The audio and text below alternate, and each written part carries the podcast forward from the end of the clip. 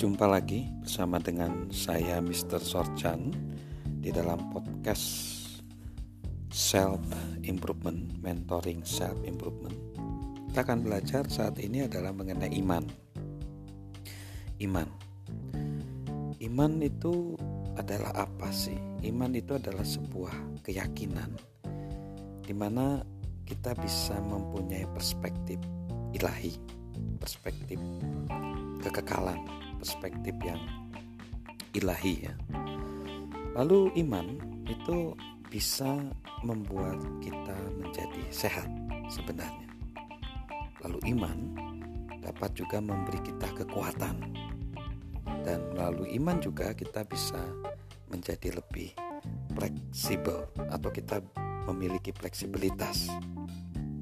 Nah, eh, kita eh, sebenarnya dalam kehidupan sehari-hari kita sebenarnya mengandalkan iman. Ya dan uh, iman itu oh, harus diterapkan sebenarnya dalam kehidupan kita sehari-hari.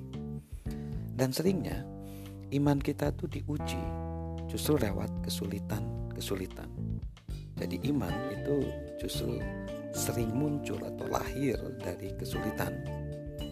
Dan memang iman yang belum teruji itu iman yang tidak dapat dipercaya. Iman yang belum teruji tidak dapat dipercaya. Nah, bagaimana sih kita uh, dapat uh, mengeksplor ya, mengeksplor iman kita? Kita harus uh, yang pertama meyakini nilai iman kita, lalu kita harus melibatkan Tuhan kita dalam setiap rencana kehidupan kita karena Tuhan yang menciptakan kita dan rencana Tuhan yang terbaik. Lalu kita harus berkumpul, bertemu ya, dengan komunitas orang-orang yang uh, seiman dengan kita.